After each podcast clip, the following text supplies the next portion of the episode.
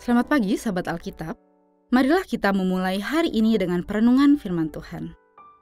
Bacaan Alkitab kita hari ini berasal dari kitab Bilangan pasal 22 sampai 27. Tuhan berfirman kepada Musa, "Berbicaralah kepada Harun dan anak-anaknya, beginilah kamu harus memberkati orang Israel.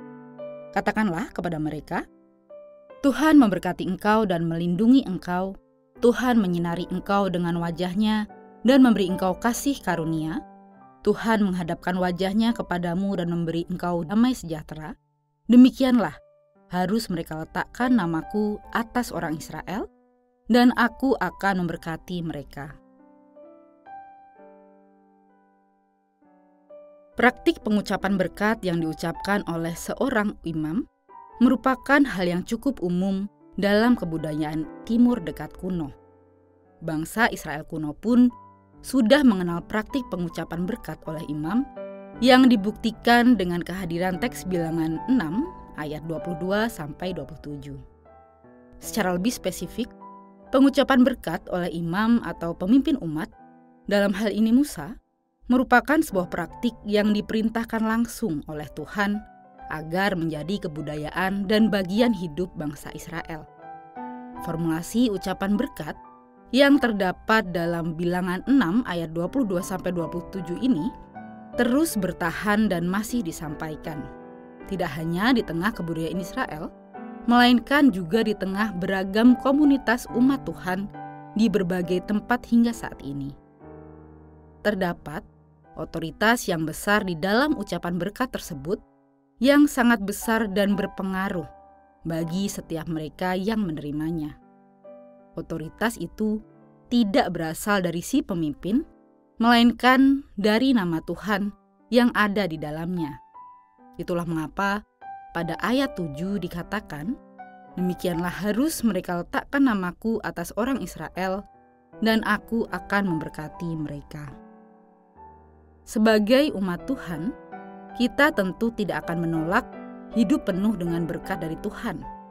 Namun, hal ini tentu bukanlah sesuatu yang keliru.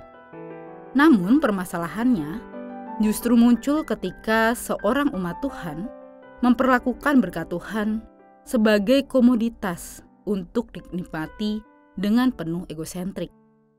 Padahal, jika kita perhatikan lebih lanjut formulasi ucapan berkat dalam teks ini, maka kita akan mendapati sebuah tanggung jawab yang secara otomatis melekat pada saat seseorang mendapatkan berkat tersebut.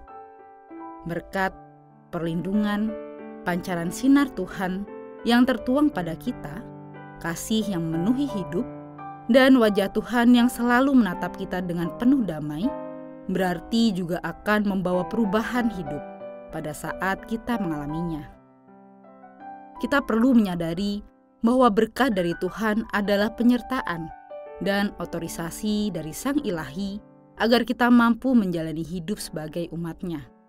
Bukan justru menjadikan kita haus akan kelimpahan untuk dinikmati secara egois tanpa ada dampak yang berarti. Jadi, apakah Anda mau menerima berkat Tuhan?